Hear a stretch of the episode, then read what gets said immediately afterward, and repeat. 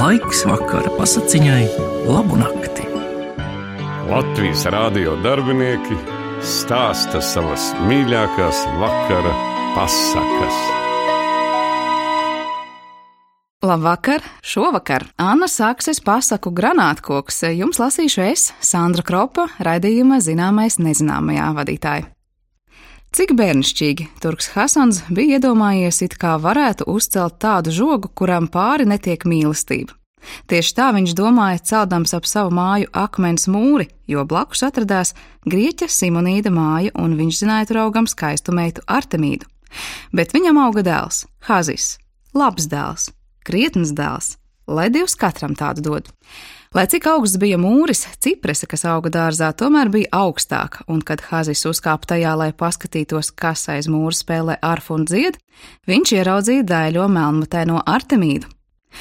Hazis zināja, ka Artemīda ir grieķiete un viņš ir turks.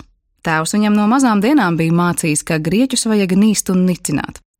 Hazis pat nenojauta, ka skatoties uz Artemīdu un klausoties viņas dziesmā, naids var pārvērsties par mīlestību un nicināšanu par apbrīnu. Iemīlēties grieķietē, tas nu gan būtu apkaunojums ne tikai ģimenei, bet visai tautai. Un tomēr Nākamajā dienā Hasis atkal uzkāpa Ciprasē, iestāstīdams sev, ka skatoties uz grieķieti, viņam radīsies pret to vēl lielāks naids. Ja Hasis būtu pametis acis uz Ciprasas ēnu, viņš redzētu, ka ar katru dienu viņa nokāpšanas brīdī tā kļuvusi garāka. Bet tā kā viņš lūkojās tikai uz Artemīdu, tad pats neaptvēra, ka ar katru dienu ilgāk nosēta Ciprasas zaros. Kad kādā rītā Simonīda dārzā valdīja klusums un dziesma neskanēja, Arī dienā un vakarā Hazis nekur nevarēja atrast mieru no uzbāzīgās domas, kas gan noticis ar Artemīdu. Kāpēc viņa neuzturas dārzā un nespēlē, nedzied? Visu nakti neaizvērs acis, viņš pierunāja kalponi izdibināt no kaimiņu kalpones, vai Artemīda nav saslimusi. Ak, nē, tā atnesa vēsti, ka Simonīds aizliedzis meitai rādīties dārzā, jo pamanījis turku sēdam ciprasē un glūnam uz Artemīdu. Hazis dusmodamies uz grieķi un sevi nocirta cipresi, un Simonīda dārzā atkal sāka skanēt mūzika un dziesmas. Kā izbijās Artemīda, kad pēkšņi izdzirda saucam savu vārdu? Balss nāca no mūra puses. Artemīda, Artemīda, panāc tuvāk, es tev pateikšu tikai trīs vārdus. Kura sieviete gan negrib dzirdēt trīs vārdus, pat ja to saka vispretīgākais vīrietis? Kad Artemīda tuvojās sienai, viņai pie kājām novēlās akmens, bet mūra spraugā parādījās seja - melnas ūciņas, melnas uzacis un melnas acis, kurās varēja izlasīt tikai trīs vārdus, pat ja mute tos neteiktu. Bet sievietes grib šos vārdus dzirdēt, un Artemīda jautāja, ko tu gribēji man teikt? To, ka es tevi mīlu, Hasis čukstēja. Bet tu esi turks, un es esmu grieķiete. Artemīda centās apdzēst liesmas, kas sāka vīties ap viņas sirdi. Nē, es esmu cilvēks, un tu esi cilvēks. Un kāda mīlestībai daļa gar turkiem un grieķiem iesaucās Hazis. Bet mūsu tēvi to nesapratīs, iebilda Artemīda.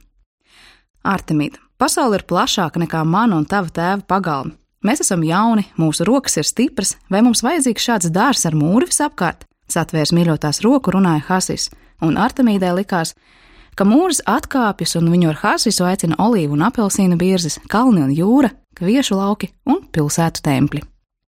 Bet netik vienkārši vērās mūri, kas ieslēdza Hāzes un Artemīdas tēvu prātus. Hasans palika turks, un Simonīts palika grieķis. Nav tādas tautības, ko sauc par cilvēku, viens pateica savam dēlam, un grieķieti ieves savā mājā, es tev neļaušu. Turkam es savu meitu neatdošu, paziņoja otrs. Mēs aiziesim no jūsu vecajām mājām un kļūsim cilvēki, spītīgi pateica jaunieši un nolika savu kāzu dienu. Ja dēls apkauno ģimeni un tautu, tad labāk tāda dēla lai nav, domāja Hasans, un naktī uzmeklēja veco Kemalu, par kuru klīda baumas, it kā tas zinot grieķu uguns noslēpumu. Viņš izstāstīja Kemalam, kādas bēdas uzbrukušas viņa dzimtai, un lūdza, lai vecais meistars pagatavojot viņam ugunsābolu. To es kāzu dienā nosviedīšu viņiem pie kājām par biedinājumu saviem jaunākajiem dēliem un visiem turku jauniešiem. Es esmu turks, un tu esi turks, un Dievs svētīs mūsu labo darbu, Hasans centās pārliecināt Kemalu. Lai notiek, atbildēja Kemals, bet, kad Hasans aizgāja, sāka domāt, ko gan nodarījuši divi jaunieši, ka viņiem būtu jāmirst brīnišķīgākajā dzīves plaukuma laikā. Atmiņās atainojās paša jaunība. Arī viņš bija mīlējis grieķieti, bet paklausot tēva liegumam, pametis to un visu mūžu mocījies nebeidzamās ilgās. Nē, viņš nekļūs citu laimes slepkava. Viņš izdomās citādu ābolu, lai tas svētītu jauno tālākās gaitas. Hazijas un Artemīdas kāzu dienas rītā Kemals uzkarsēja vērš asinis, ielēja apaļā čaulā un iebēr tajā kāda koka sēklu graudus. Sagatavojis tādu granātu, viņš aiznes to Hasanam un teica: Te nu tev būs ugunsābols, redzi, vēl pavisam karsts, bet zini, notiks tā, kā Dievs būs lēmis. Liels ļaužu bars bija sapulcējies ielā, kad no Hasana un Simonīda mājām iznāca Hazis un Artemīda, lai dotos noslēgt laulību, un pēc tam aizietu pasaulē meklēt darbu un pajumti. Viņus pavadīja tēvu lāsti, māsu asarus un jaunāko brāļu izsmiekls. Tad Hasans atspieda ļaužu bariņu un nostājies tam priekšā, atvēzējās un nosvieda mīlas pārim pie kājām granātu. Visi šausmās sastinga, bet notika brīnums. Granāta saplīsa, no tās izlīja asinis un izbira sēklas. Jaunieši stāvēja neskarti un smaidīja. Viņi zināja, ka tēvu lāstus liktenis ir pārvērtis svētībā. Viņi uzlasīja no granāta izbirušās sēklas un aizgāja uz svešu malu, uzplēsa zemes gabaliņu un iestādīja tajā asinīs mērcētās sēklas. No tām izauga koki un krūmi ar sarkaniem ziediem un sarkaniem augļiem. Granātkoks, laimes koks. Tā grieķi iesauc šo koku un turpmāk jauniem pāriem nosvieda pie kājām granātābolu, ar to novēlēdami, lai viņu jaunā dzīve būtu tikpat laimīga un bērniem svētīta kā Hazisa un Artemīdas ģimene.